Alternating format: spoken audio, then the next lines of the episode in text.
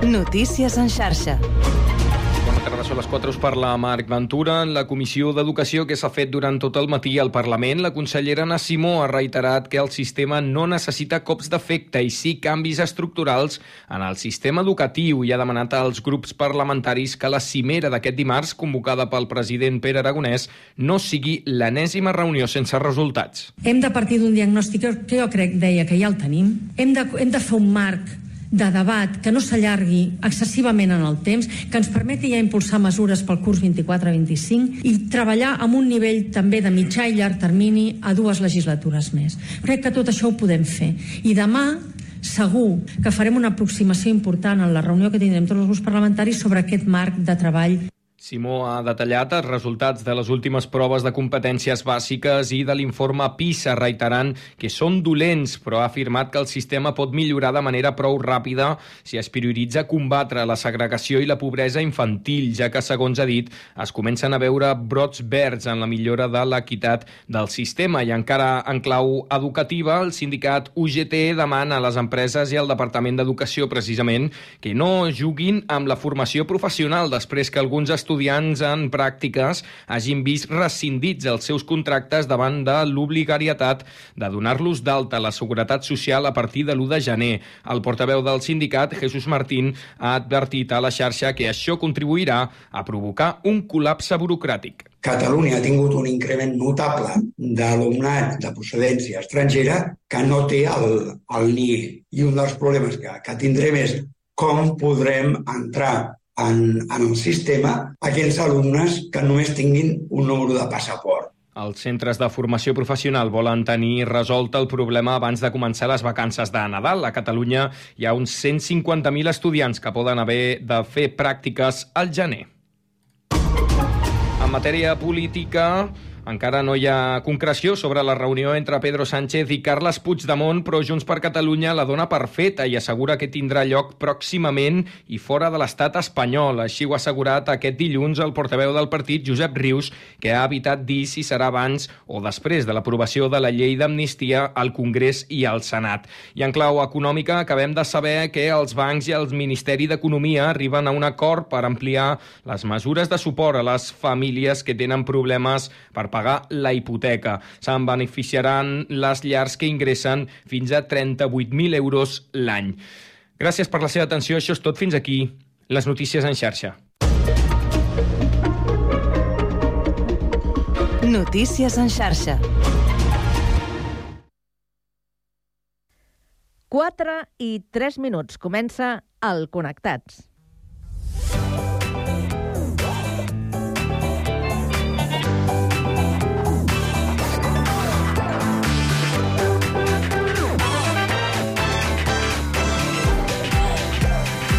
Connectats amb Carme Reversa.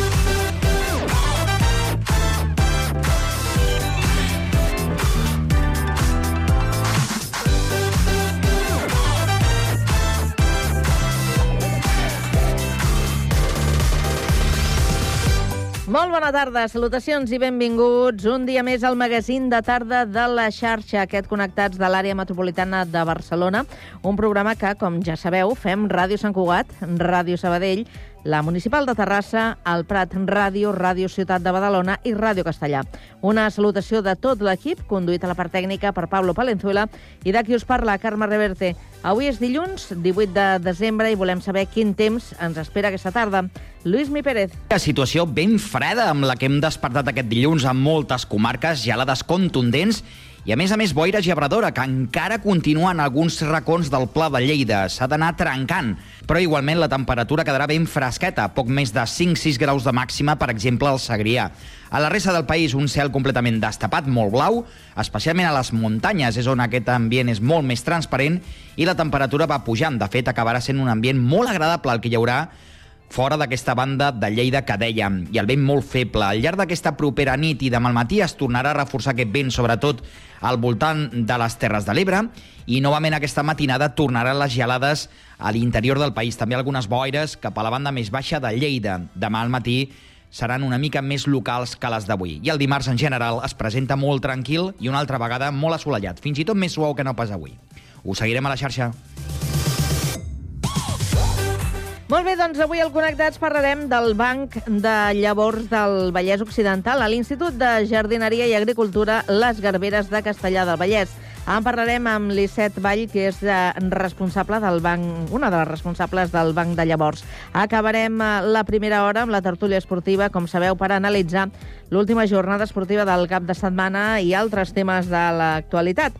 A partir de les 5 coneixerem la sabadellenca Manuela Domínguez, historiadora de l'art. Continuarem amb ciència per rebre la Núria Salant, presidenta de la Societat Catalana de Tecnologia, que ens parlarà de la formació professional i dels graus formatius. Acabarem amb cultura per interessar-nos per l'exposició Llegendes de l'Esport al Centre Cultural El Carme, en col·laboració amb el Museu del Deporte de Badalona.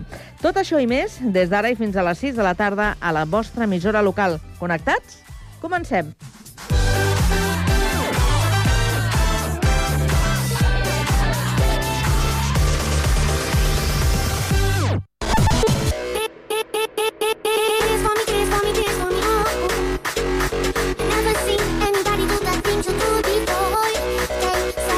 Connectats, una experiència radiofònica a Sabadell, Terrassa, Sant Cugat, El Prat, Castellà i Badalona.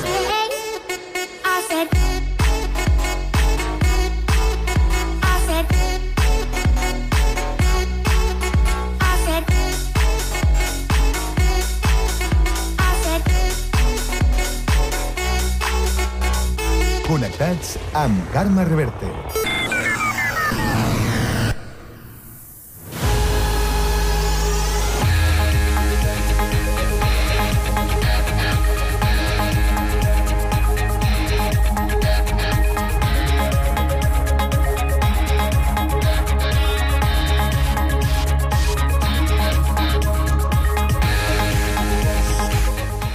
4 i 7 minuts ens actualitzem i ho fem amb la ronda d'actualitat que obrim un dia més per Terrassa. Sergi Estapé, bona tarda. Bona tarda. Terrassa va acomiadar amb tots els honors a un dels seus grups de música de referència, Doctor Prats, que va posar un punt i a part a la seva trajectòria musical amb un multitudinari concert a la plaça Nova de la ciutat. Va ser una vetllada plena de sorpreses que va fer vi- vibrar d'emoció a tots els assistents, petits i grans. A aquesta festa, el conjunt terrassenc va interpretar els millors èxits dels quatre àlbums publicats al llarg d'aquests darrers vuit anys. Al vespre musical s'hi van afegir artistes convidats per acomiadar els agarencs, com Guillem Bultó, David Rossell, Miqui Núñez, Sense Sal, La Fúmiga o Miquel del Roig, entre altres. Segons els membres de Doctor Prats, formació que es va crear l'any 2009, Terrassa, com a capital de província, ha estat la darrera de les quatre ciutats on el grup ha actuat en aquesta minigira que han anomenat Adeu fins aviat. Ara faran una temporada temporal de dos anys per retornar sobre els escenaris i amb més força que mai l'any 2025.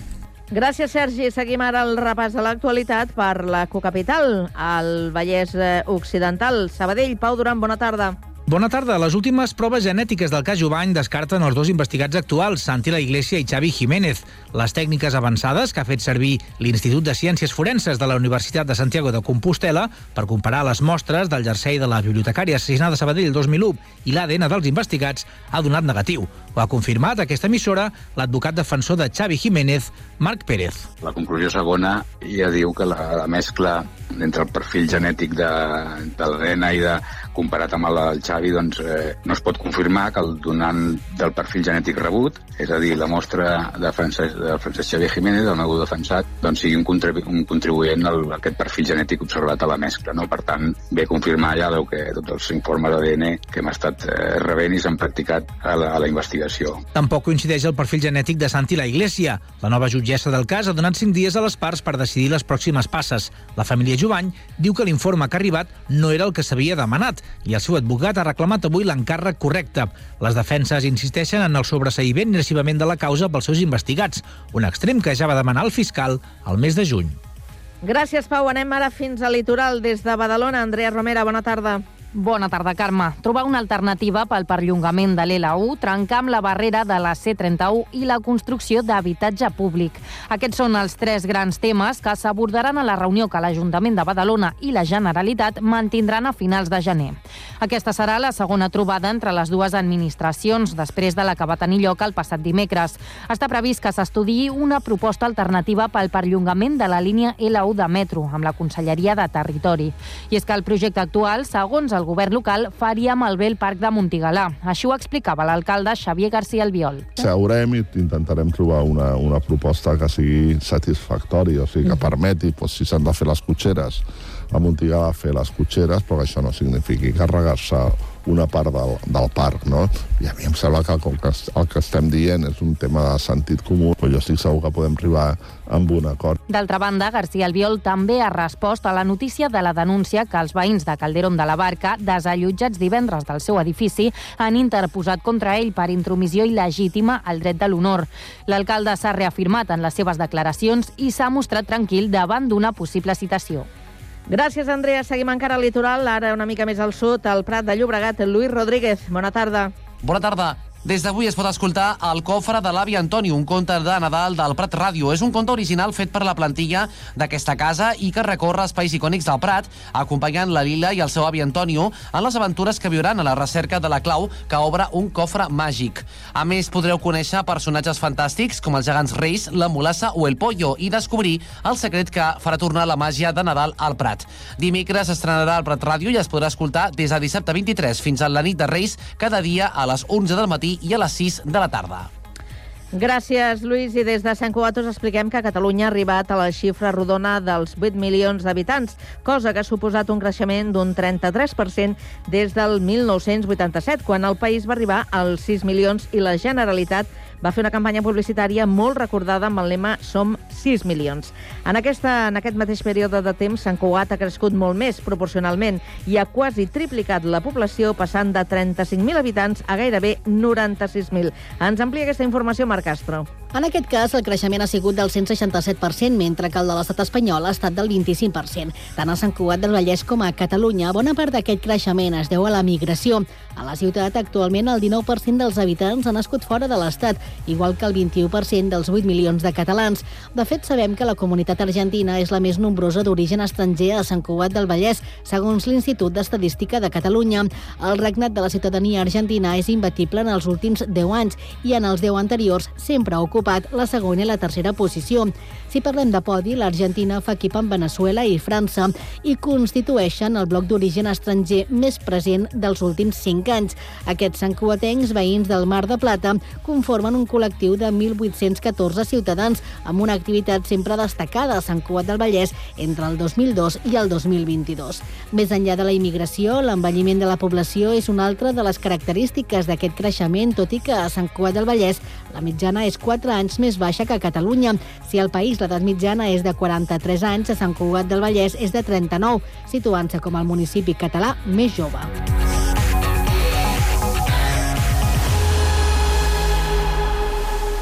A la tarda, no et desconnectis. A la teva ràdio local, connectats. Can't touch this. You can't touch this.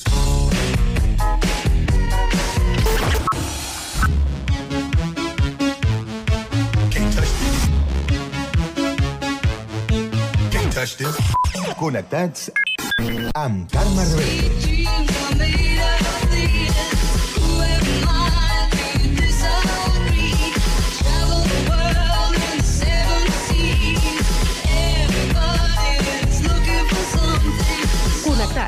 Una experiència radiofònica a Sabadell, Terrassa, Sant Cugat, El Prat, Castellà i Badalona.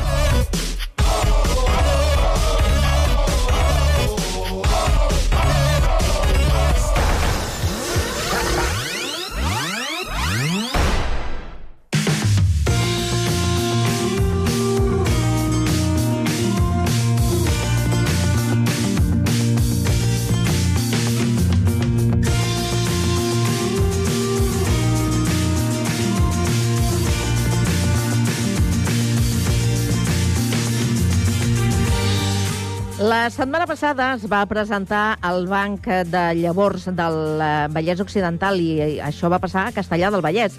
El projecte l'impulsa el Consell Comarcal del Vallès Occidental i té la seva seu a l'Institut de Jardineria i Agricultura Les Garberes.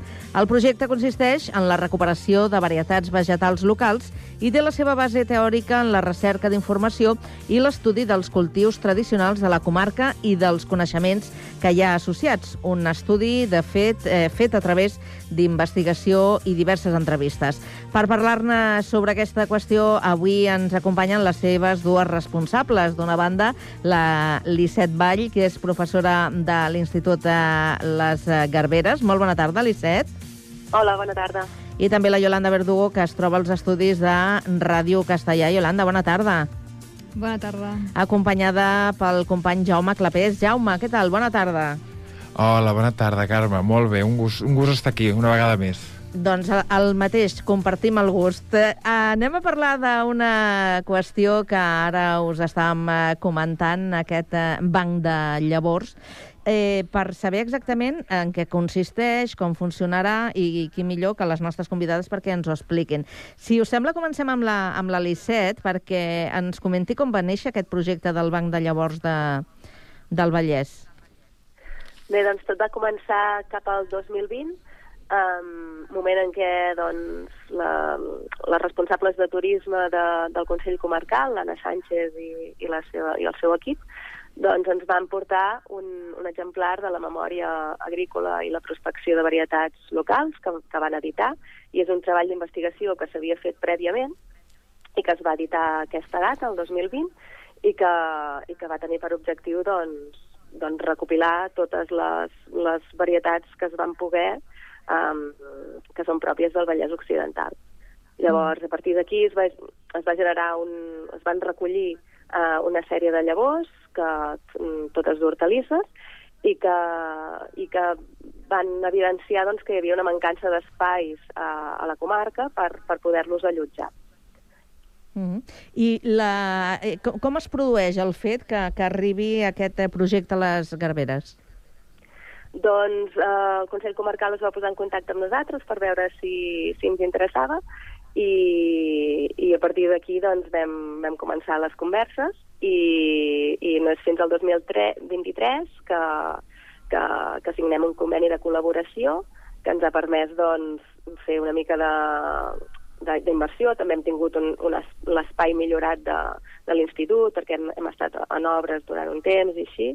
I, i ara que per fi doncs, ens hem no, assentat una mica, doncs, eh, ha arribat el moment doncs, de fer aquesta inversió i posar doncs, a disposició d'aquest banc de llavors tota una sèrie d'instal·lacions, com són una nevera, un congelador per poder emmagatzemar les llavors i tota una sèrie d'equipaments vinculats a això. Mm. I ens podries, Eliseta, ens podries explicar una mica com ha sigut tot el procés previ a la presentació, aquest procés com d'investigació, d'entrevistes... Val. Uh, el, la prospecció no la vam realitzar nosaltres, la va realitzar una altra persona vale, que, que estava en contacte amb el Consell Comarcal. Vale? I llavors, um, el que sí que hem fet nosaltres és posar-nos en contacte amb diverses entitats que, que estan multiplicant llavors, mm, doncs igual no a, a ben bé al Vallès Occidental, però de proximitat, com són doncs, uh, la gent de llavors orientals, no? que ens ha ajudat molt. Eh, de fet, les llavors del Vallès Occidental es trobaven al banc de llavors de Granollers, vale? que havia amics en ells, i, i ells ens han anat passant doncs, material, aquest material i hem anat podent mm, multiplicar algunes de les llavors que, que ens han passat. Llavors, el que hem anat fent fins ara és això, bàsicament, multiplicar algunes llavors per poder-les oferir en el moment en què doncs, mm, presentem el banc de llavors, que ja ha estat, no? però ara la, nos- la pròxima data um, interessant per poder-les per poder compartir aquestes llavors doncs serà el, la fira que, que fem al març, vale? que això us ho explicarà la Iolanda. Uh, molt bé, i ens podries una mica a nivell, a nivell pràctic, ja ho has dit una mica, no? però en què consisteix aquest banc? Has dit un congelador, uh, Vale. o sigui, quin, quins elements tècnics hi ha i, i, i què hi ha dins? Vale. Clar, és un, és un, d'entrada és un espai físic on podem magatzemar els recursos fitogenètics de la comarca i, i és bàsicament això, eh? un espai doncs, que, que permeti que no, que no es facin malbé aquestes llavors, que no es degradin i que puguin perdurar per, per molts anys, no? per garantir doncs, que, que, que aquest recurs fitogenètic no es perd perquè ens trobem en un procés de pèrdua de biodiversitat molt elevat, sobretot en l'àmbit de l'agricultura. Vale? S'estima que un 90% de, de la biodiversitat genètica eh, s'ha anat perdent al llarg dels anys i, i per tant ens interessa conservar-la. Llavors, mm, l'espai físic, doncs això, és un congelador i una nevera. El congelador és per les, per les llavors més, mm, més delicades, diguéssim, aquelles que igual han, han anat perdent una mica de viabilitat i que per tant ens interessa doncs, donar-los una conservació molt bona, i en canvi la nevera és per aquelles llavors que, bueno, doncs, que estan bé i que poden entrar en el cicle de reproducció i de cultiu. Molt bé, i mm, el fet de tenir aquest, aquest banc, aquest, tenir aquest, aquests recursos eh, biològics preservats, en què ens beneficia? Doncs un, una mica això que dèiem de, de poder conservar la, aquests, requi- aquests recursos fitogenètics, però també de poder-ne disposar. És a dir, la idea és que aquestes llavors es posin en, en circulació, no? en, en funcionament, i que els petits hortolans o els pagesos que hi estiguin interessats doncs, els puguin fer servir. Una mica um, democratitzar aquestes llavors. No? Fins ara, doncs, si estem en un procés d'erosió genètica, vol dir que, um, que estem fent servir unes altres llavors que ens venen més doncs, eh, de la mà de, de, de les empreses comercialitzadores. No? Llavors, una mica eh, tornar a fer servir aquestes llavors perquè no es perdin i, en el nostre cas, doncs això, anar-les multiplicant i conservar-les bé. D'acord. Uh, crec que aquesta pregunta ja me la respondràs tu, Yolanda. Um, llavors, quines, quines persones tenen accés a aquest banc? Tenim tots aquests recursos ara mateix i qui pot tenir accés? Doncs mira, pot eh, tenir accés tothom que tingui ganes de tenir aquestes llavors. En principi, doncs, gent que pugui tenir un hortet o un espai on pugui cultivar-ne. O sigui, usuaris privats, eh? Estem parlant de... de... Sí, sí, sí, sí. sí. Uh, en quant a usuaris públics també podria haver-hi, vull dir, cap problema, no? El que sí que, com que són llavors a petita escala, de moment només podem oferir coses a petita escala. Aleshores, si hi hagués alguna altra possibilitat, doncs sempre es pot parlar i veure com, com aconseguir-ho, no? Com encaixaria, com encaixaria això. Sí. I mm, llavors, és, és, tenim el catàleg de llavors és tancat o esteu oberts a noves incorporacions? O a partir d'ara que ja heu fet com heu presentat, ja teniu aquestes llavors, ara el catàleg i les llavors catalogades, mm, en quin nivell estan? Hi ha noves incorporacions? És una cosa ja tancada? Hi ha noves incorporacions.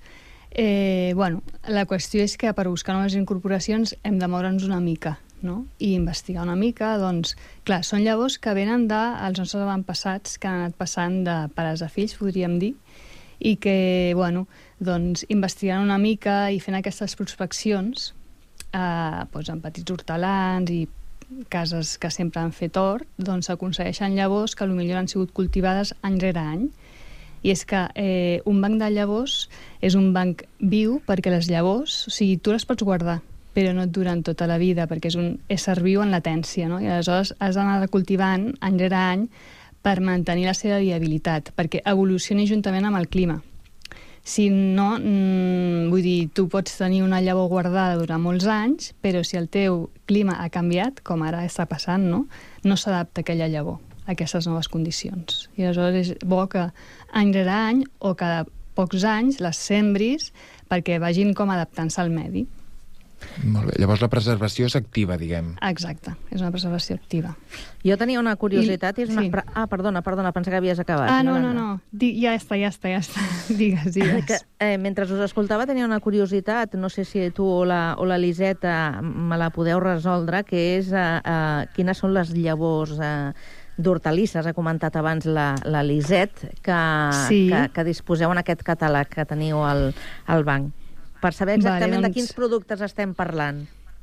Et diré unes poques, eh? Bueno, devem tenir una trentena o així de llavors, mm. incloses hortalisses i també algunes flors, perquè sempre les plantes en flor ajuden a que hi hagin polinitzadors, ajuden també que la, aquestes eh, plantes tinguin una bona fructificació, sempre que es polinitzen. Sí. Aleshores podem parlar, per exemple, de la carbassa de torrà, de la ceba agra, de la col de paperina, la col pell de galàpag, cigro negre, fava reina mora, mongeta llaminera, hi ha varis, eh? Albergínia lila, eh, pebrot moro vermell, ai, eh, morro de vedell groc, Déu-n'hi-do, tomàquet és- és super- escanadet... Vull dir, ja és llarga i els noms són curiosos. que- I, i uh, Sí. interpreto que d'aquests productes que ara tu estaves uh, anomenant eh, no, no en tenim? Eh, o... Sí que n'hi ha, Però sigui, molt escàs. Eh, eh, són varietats tradicionals. Aleshores, segurament en altres regions, o sigui, altres comarques, tenen les seves llavors. També tindran un tomàquet de penjar concret. Mm. Eh, aquí, per exemple, tenim el tomàquet eh, de penjar de castellà. No? I és com que cada regió té el seu tomàquet, podríem dir, que s'assemblen molt, però amb unes coses concretes diferents. Sí, sí. Saps? Um, a part de que sonen totes les variables, o sigui, els que has dit sonen deliciosos, sí. um, esteu oberts a que hi hagi gent que us pugui dir escolta, jo crec que tinc aquesta llavor que potser no la teniu. Esteu oberts a, la, a Sí, que... sí, eh, i tant. a que perquè, per exemple, aquí a Castellà hi ha molta gent que té hort i que us Mm. vingui a dir, crec que aquesta llavor la teniu, la voleu, us la passo? Eh, Això és molt important, sí. Que hi hagi una mica de xarxa entre pagesos i entre nosaltres, que hi hagi intercanvi de llavors, és important. Perquè, clar, o sigui, són coses que són una mica de boca a orella. No es troba així fàcilment i la, la prospecció és anar a camp a buscar. I això sí que és important, no? Que hi hagi algú que digui mira, t'he escoltat a la ràdio i tinc aquesta llavor que el meu avi ja la cultivava.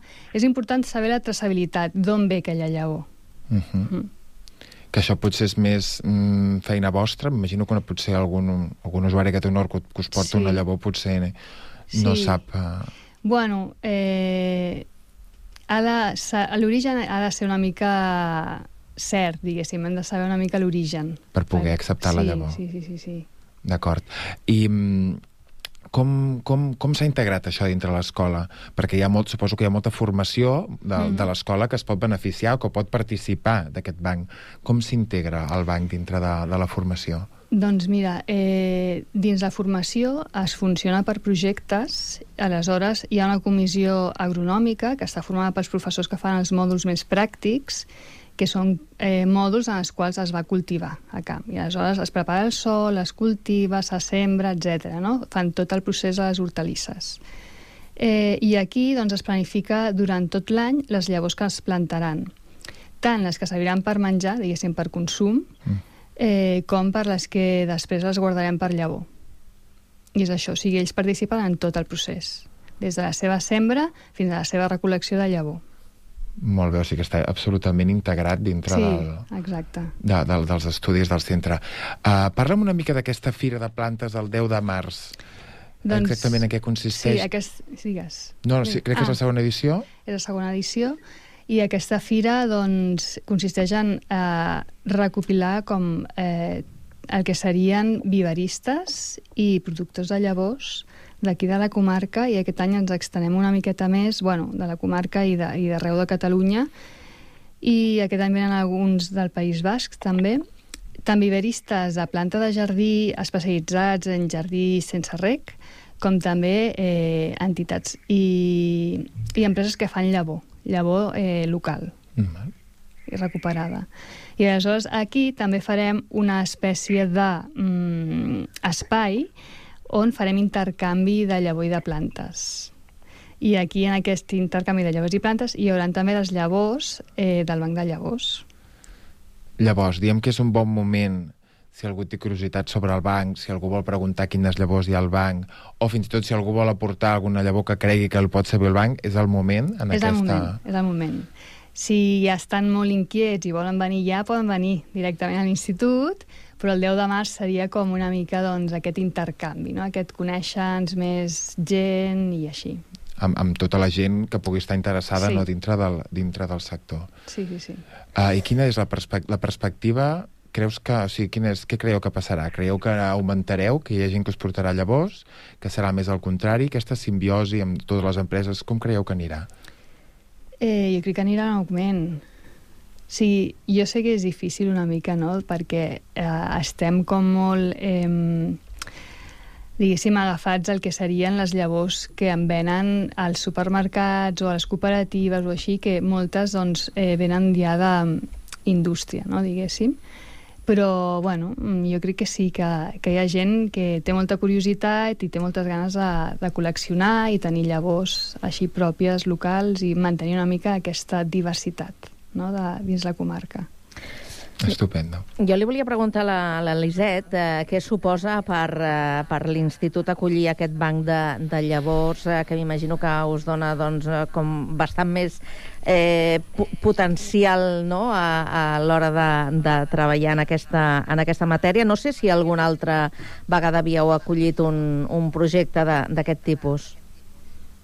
Um, bueno, de fet, l'institut ja tenim per, bueno, per objectiu una mica fer xarxa amb, amb, amb el món professional de la, de la comarca, no? tant de l'àmbit de la jardineria com de l'àmbit de l'agricultura. Llavors, aquest banc de llavors també ens permet una mica fer aquesta xarxa, no? fer, fer punt de trobada per poder, doncs això, eh, intercanviar llavors o, o, o, o cultivar llavors per algú, no? Mm. um, ens dona una mica, diguéssim, aquesta, ens obre la porta a, a poder parlar, no? a poder establir ponts amb, amb el sector professional, que al final nosaltres ens dediquem a la formació professional d'aquests dos àmbits, no? I, i per tant, doncs, el, el, diguéssim que l'àmbit, el món professional, el, uh, això, el sector, doncs el tenim molt en compte.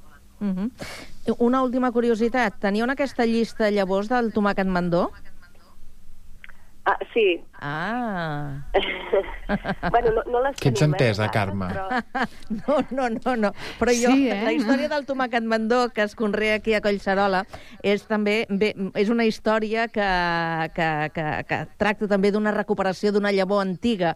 O sigui, jo sé que actualment els pagesos que, que conreen el tomàquet eh, mandó ho van recuperar d'un d'un pagès actual, era una llavor de l'avi. Imagina't. No, i és una història superxula.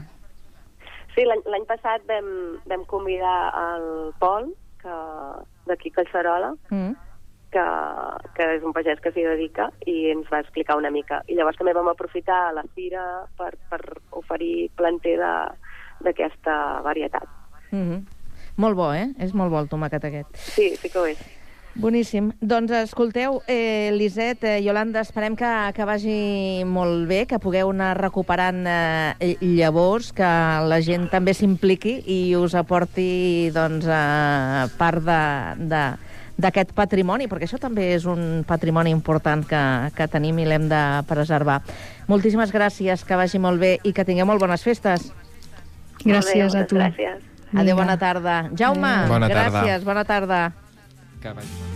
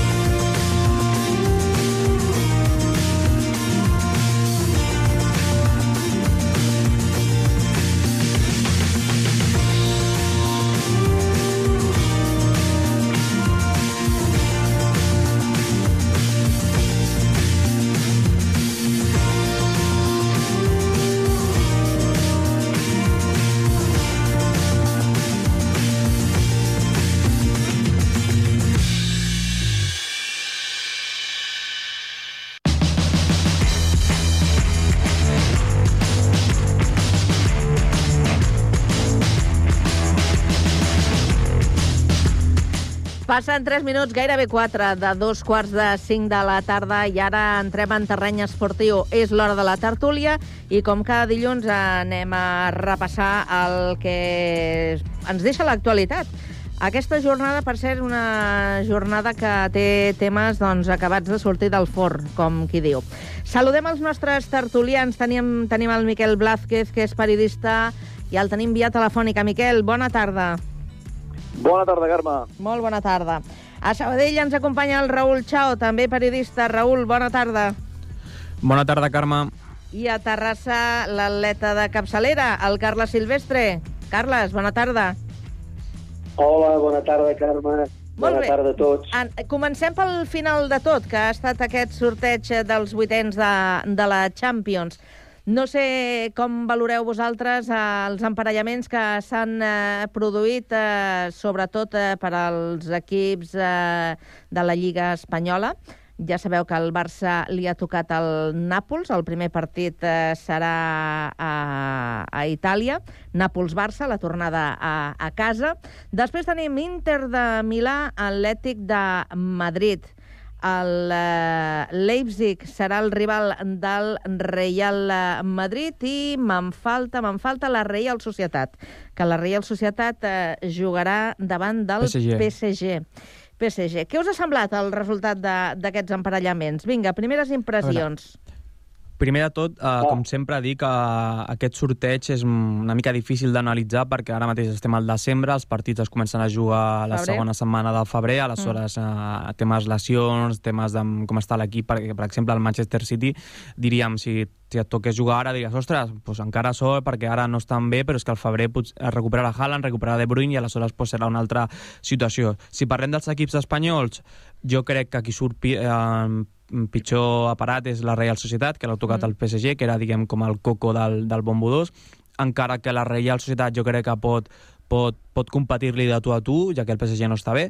Després el Barça, jo crec que el, el Barça, en la situació que està el Barça ara, doncs, patiria bastant, encara que el Nàpols aquest any no està, no està bé, però com diem, a partir de al, febrer serà tota una altra història. Veurem si Xavi eh, encara continua, si el mig, camp, mig del camp del Barça encara està bé, uh, depenent de com està Araujo, doncs, depenent d'una sèrie de, de coses, podrem donar favorit a un altre, però uh, sembla una, una eliminatòria bastant uh, aparellada. Després, Madrid-Leipzig, uh, Madrid possiblement eh, hagi tingut sort, no? perquè li podia haver tocat al PSG i a l'Leipzig que, que el seu perill seria el terrassenc a Dani Olmo i després de l'Atlético de Madrid té pinta també una ser una eliminatòria molt renyida, eh? l'Inter mm. l'Inter també és un, un hueso duro, no? com diria. Uh -huh. Sí, sí. Eh, a veure, Carles, tu què? Què et sembla, el rival del Barça? Sí, eh, el que ha dit el company, eh, no jugaran fins d'aquí dos mesos els partits. Vull dir que hi ha temps per recuperar lesionats, estats de forma, ara al Madrid se li ha trencat la lava, també, a més. Jo veig les eliminatòries en general totes igualades, tret poder del Copenhagen City, que veig aquí bastant favorit el Manchester City. Eh? I poder el Borussia Dortmund amb el PSV Eindhoven, però bueno, els equips espanyols, Inter Atlètic de Madrid serà cara de gos, PSG Real Societat poder un pèl favorit al PSG, però el Real està jugant bé. El Barça, com que és el meu Barça, penso que passarà. Eh, vull dir, eh, ja veurem. Eh, Ja- la, ja tornada, veurem, sí. la tornada és important la tornada és important que jugui a casa perquè, bueno, sempre condiciona bastant això. Eliminatòries igualades, eh? Són uns vuitens de final interessants tots els partits, eh? Uh -huh. Ara, falten dos, falten dos mesos. Ja, Veurem ja, com ja, estan les plantilles, com estan els lesionats, eh, els estats de forma, etc. I tu, Miquel, què n'opines? Sí, eh, realment és una mica el que, el que comenten els companys, eh? que eh, la dificultat aquí és veure com arribaran els equips del febrer, perquè evidentment també hi haurà el mercat d'hivern per, per mig, hi haurà les vacances de, de Nadal, encara queden alguns partits de, de Lliga, el Barça també haurà de fer aquest amistós a, a Dallas aquesta setmana vinent, per tant, doncs, eh, la realitat és que és difícil de, de valorar. Sí que és cert que, com comentava, em sembla que ha estat el Raül, eh, per mi el Manchester City ha tingut la sort al sorteig perquè li ha tocat el Copenhagen, que aparentment és l'equip uh, més senzill d'aquest- d'aquests vuitens de, de final, però sí que realment, doncs, analitzant uh, figura per figura, equip per, fi- per equip, uh, són uns vuitens de final de la Champions, que això sempre sabem que és complicat i no hi ha cap rival fàcil, i, i hi ha molts cops, a més, que hi ha hagut eliminatòries que estaven uh, força decantades per un dels dos equips Mm. i ha acabat passant al contrari. Per tant, jo crec que és un avís pel, pel Barça, també jugar contra el Nàpols, que és un rival que, que històricament els últims anys de la Champions ja, ja l'ha visitat. Per tant, penso que és una bona oportunitat sobretot per això, eh, per fer un pas endavant i per, per uh, passar a quarts de final, que, que a Barcelona fa temps que, que no ho vivim. Pel que heu comentat a, als tres, eh, a hores d'ara, no veieu cap dels equips que disputaran aquests vuitens com a, com a favorit? Perquè, clar, si totes les eliminatòries estan eh, força, força anivellades, tot i que a la teoria eh, sempre hi ha qui té més nom que, que, que l'altre. Ara mateix veieu que, que no hi ha un clar favorit?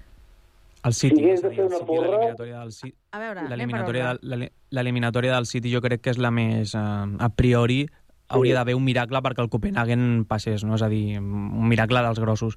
I després jo crec que el Madrid també és un, un altre gran favorit i la resta jo crec que si passa o no passa l'altre podríem dir, ostres, depenent del partit, no? Depenent del moment, però ara mateix podríem dir, ostres, pues, si passa el PSV i no passa el Dortmund, pues, pues no seria una cosa estranya. Si passa l'Inter i no passa l'Atlético de Madrid, tampoc seria estrany, no? Aleshores, depenent de l'estat de forma, depenent de les lesions, és, que, és el que deia el Carles abans, és a dir, és que queden dos mesos, i d'aquí dos mesos poden passar tantes coses. Clar. Mm. Pot passar fins que el Barça es recuperi, no? Una mica? Sí, home, Sí? recuperarà el Barça, segur. Segur, home, segur. Eh, es recuperarà. És el que diu el, el Raül. Eh, City, Real Madrid... Jo sí que ara fent una porra, va, fem una porra, doncs.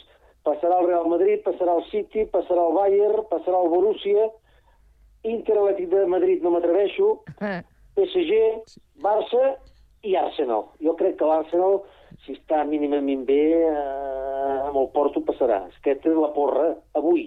Ja. Ara, eh, d'aquí dos mesos, poder la porra seria una altra.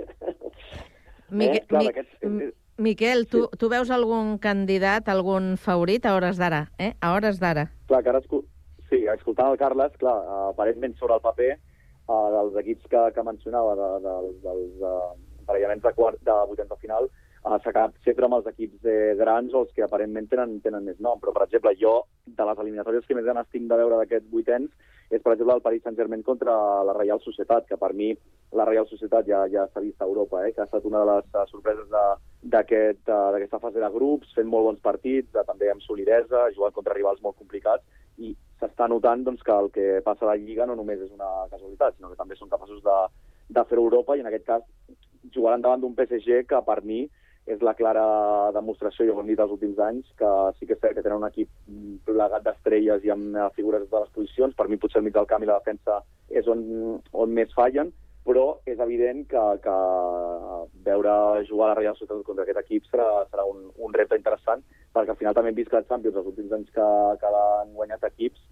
sí que és cert que les ha guanyat, per exemple, el Manchester City l'any passat, que tenia una plantilla força compensada, però anys anteriors també s'ha vist la participació de bons equips que, més enllà de les figures, eren un, eren un bloc sòlid, no? Per tant, s'ha de veure, és, és evident també que les lesions o les possibles baixes que pugui tenir equips o que ara estan molt en forma, com per exemple l'Arsenal, pot condicionar, però jo no m'atreveria ta- tampoc a dir uh, uh, si un equip és massa favorit respecte a l'altre. Per exemple, el Barça sí que el veig eh, favorit, però diria potser un 60-40 i també depenent molt de si venen els fantasmes del passat a, a visitar el Barça de Xavi, no? O els del present, no cal anar al passat.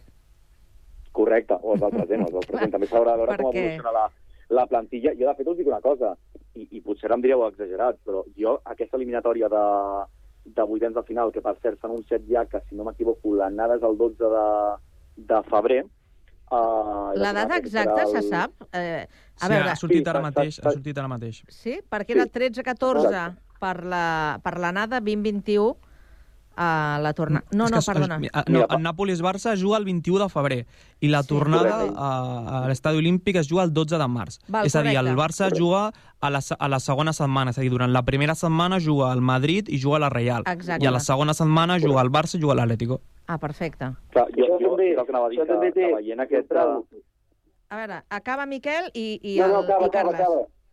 Acaba, acaba. Sí, que, que veient que s'ha de jugar al febrer, recordeu que els anella la Supercopa d'Espanya, i la Supercopa d'Espanya pel Barça porta records a vegades negatius, negatius en quant a la, a la banqueta. Recordem que Ernesto Valverde va deixar de ser entrenador a Aràbia Saudí. Per tant, jo no mm, jugaria tots els, els meus diners a mateix, jugaria qualsevol cosa a que l'entrenador del- de l'anada dels vuitens de final serà Xavi Hernández.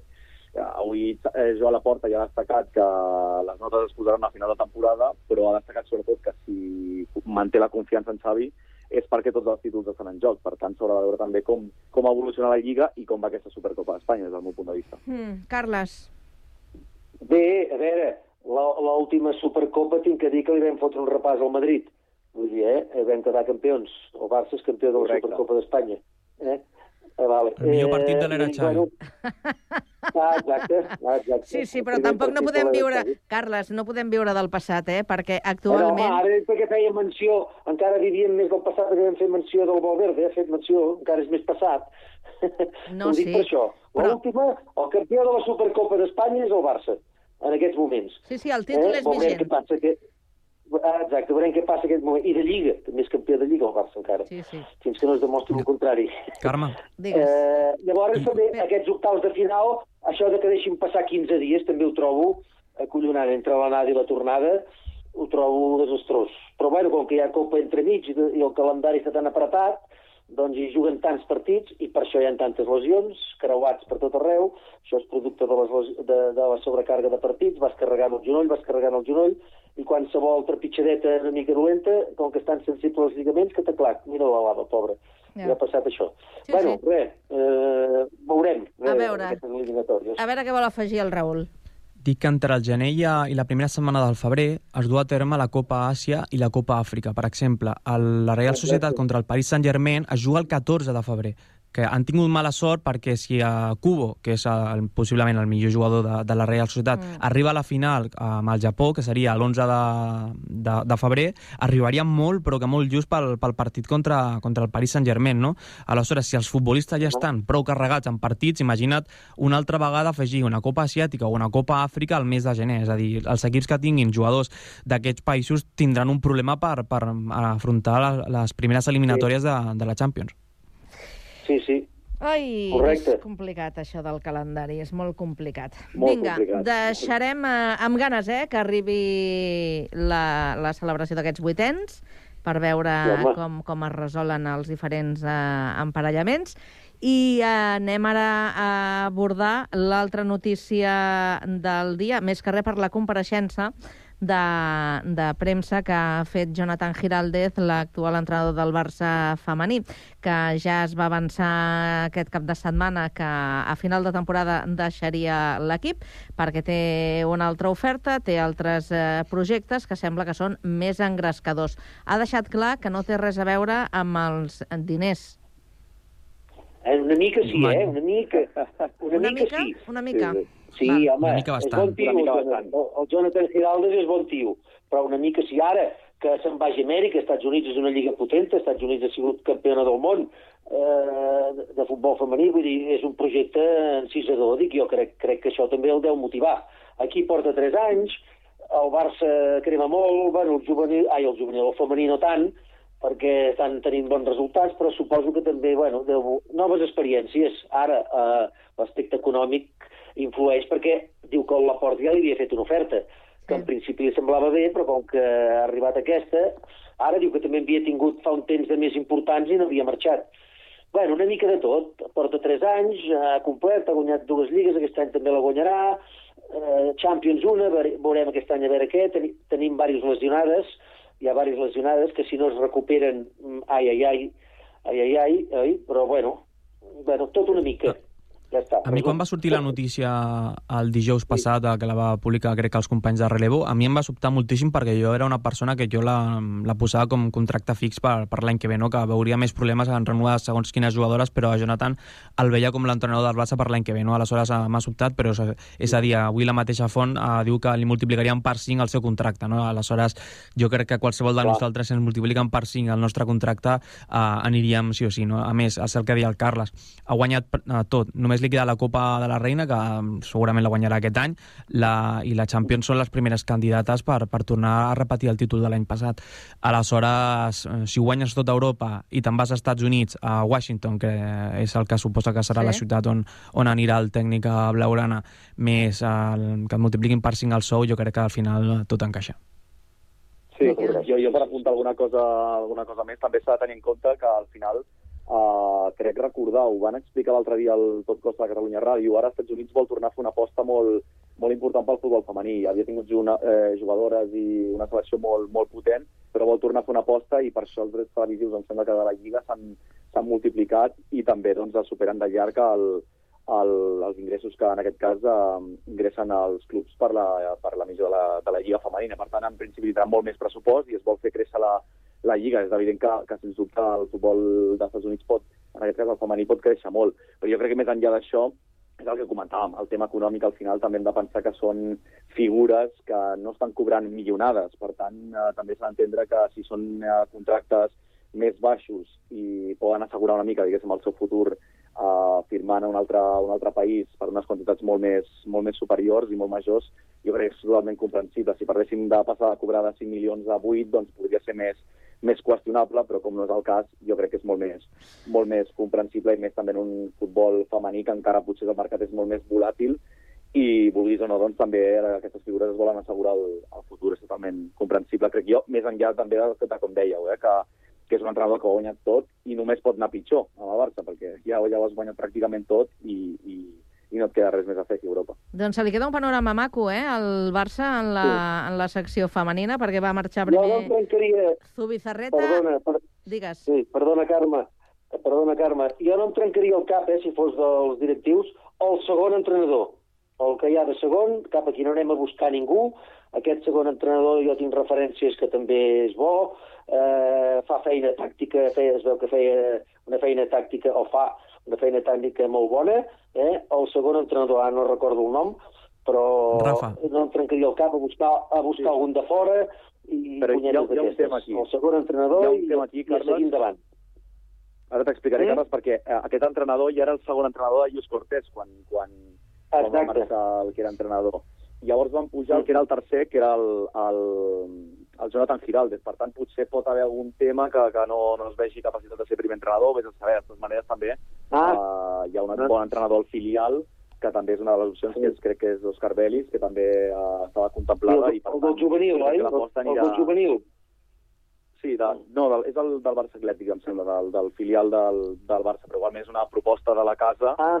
i, i jo crec que serà la proposta aquesta continuista que comentaves, eh? No sé si potser Un, s'aposta un nom que encara no ha sortit a la, a la, tra a la travessa és el de Natàlia Arroyo, és a dir, Natàlia Arroyo Sí, és l'entrenadora de, de la Reial Societat, però, però és Madin Barça, és a dir, es va formar la Federació Catalana de Futbol, amb, on va coincidir amb l'actual eh, director esportiu del, del Barça, i podria ser un nom que, home, jo crec que seria l'oportunitat que Natàlia està buscant, així que mm, un nom per, per apuntar.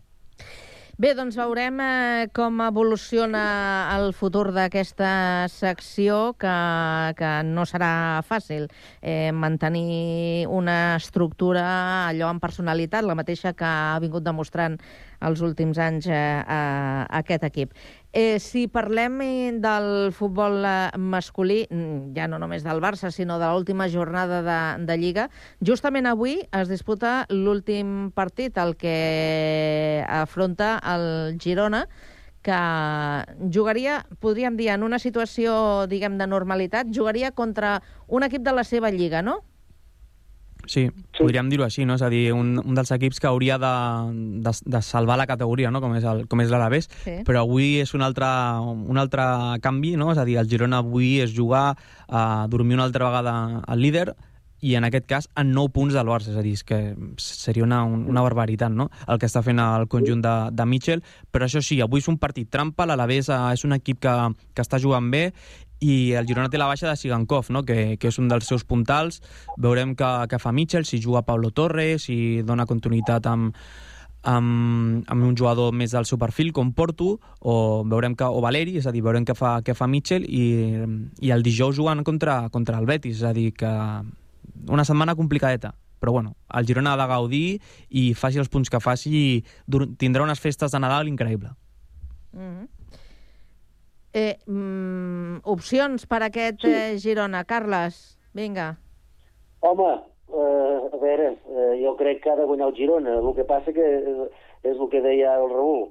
Vull dir, l'Alavés és un equip dur, eh? no li fan gaires gols. Ara he mirat la classificació i no és dels més golejats, eh? De, la, de mitja taula a Navall, de mitja taula a Navall, és el menys golejat. Eh? Li costa que li facin gols. Vull dir, bueno, tot, és que s'han de treballar tots els partits. Escolta, eh, el Girona ara està en bona ratxa, ara sempre estem pensant, hòstia, hi haurà un dia que haurà de perdre. Però esperem que no sigui avui, eh? esperem que no sigui avui, eh? que perdi. Vull dir que, bueno, eh, endavant, tu que es posi el líder, tu, davant del Madrid, escolta, mm. mentre es vagi el Girona davant del Madrid, tots feliços. Però veurem. Com diu el refrany, això és fa, a falta de pan, buenas son tortas, no? Sí, Vull dir que bueno, sí. que jo, que jo hauria de dir, jo, jo que sóc del Barça, hauria de dir que perdi el Girona avui, perquè és rival directe del Barça. Vull dir, clar, si ho mires així, eh, has de preferir... Qui va, qui va a davant del Barça? Doncs va el Girona i el Madrid. Doncs que perdin tu. Eh? Vull dir, per, per més català que sigui, vull dir, que perdin. Miquel. Hauria de dir. Però bueno, les simpaties. Sí. Jo ahir veient el, veient el partit del Madrid em fa la sensació que si el Girona no, no dona la sorpresa aquesta lliga anirà cap a Madrid per molt, per molt que siguem del, del Barça o, o, o valorem més l'equip de Xavi perquè realment veig els partits del, del Madrid sense tampoc fer un partit molt, molt vistós, són efectius, són resolutius de cara a porteria i és el que està, el que està faltant al Barça i a més és el que l'any passat sí que, sí que destacàvem, no? que la, teníem un Lewandowski que les, les enxufava totes i darrere el Barça era un, un equip molt més sòlid del que, del que ho està sent aquest any.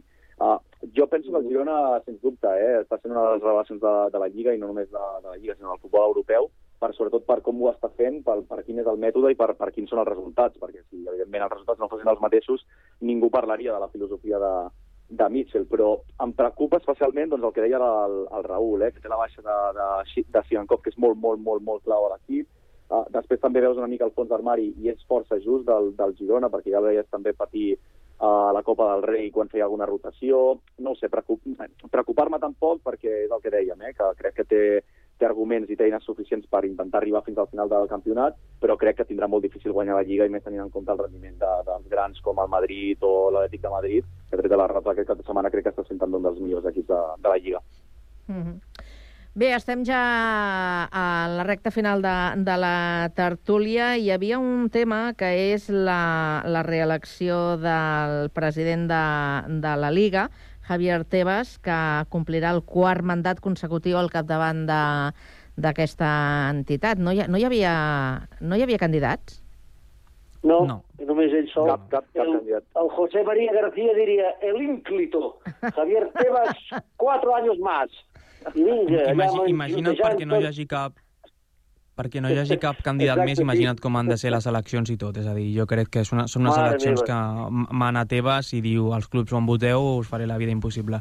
I els clubs ah, van amb guiso, i així funciona. I tampoc no hi ha Una- una normativa, no?, que marqui un, un límit de temps, Exacte, exacte. no? No. És una, una, una trista notícia pel futbol. Molt bé, com Juan Sí, Palomo. Jo me lo guiso i jo me lo como. Senyors, és l'última tertúlia de- d'aquest any. Eh, ens en retrobarem l'any que ve, a partir del dia 8 de gener. Que vagi molt bé. Bones festes. Bones festes a tots. Adéu-siau. Bones festes, bones festes a tots. Una abraçada.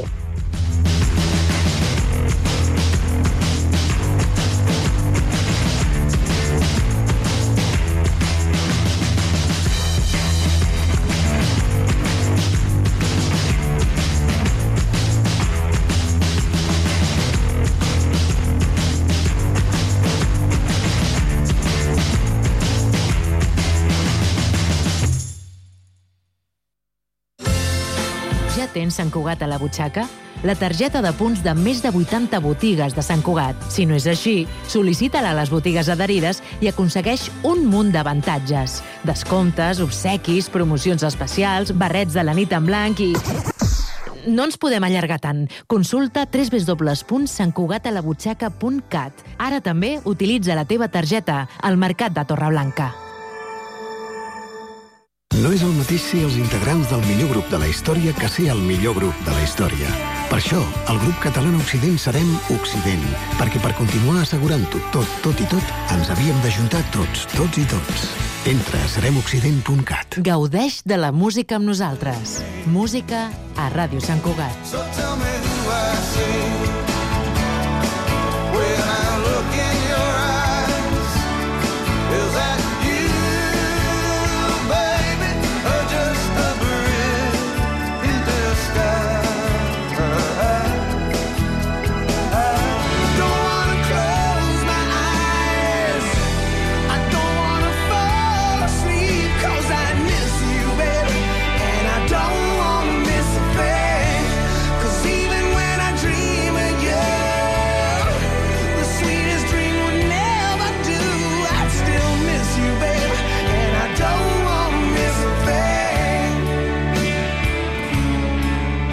Música a Ràdio Sant Cugat. Ràdio Sant Cugat. Cugat Mèdia. You shake my nerves and you rattle my brain.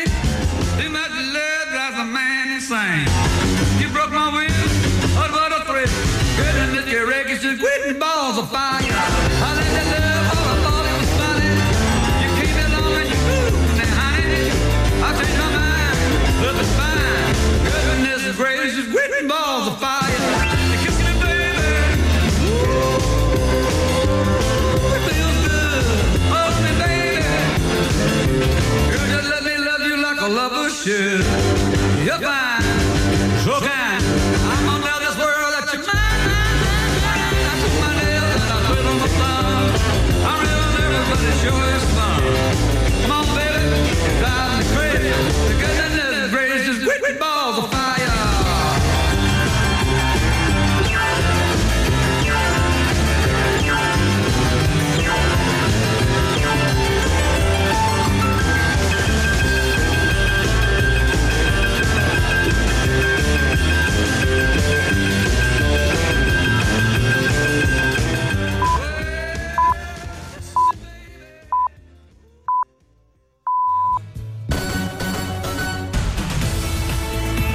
Ràdio Sant Cugat.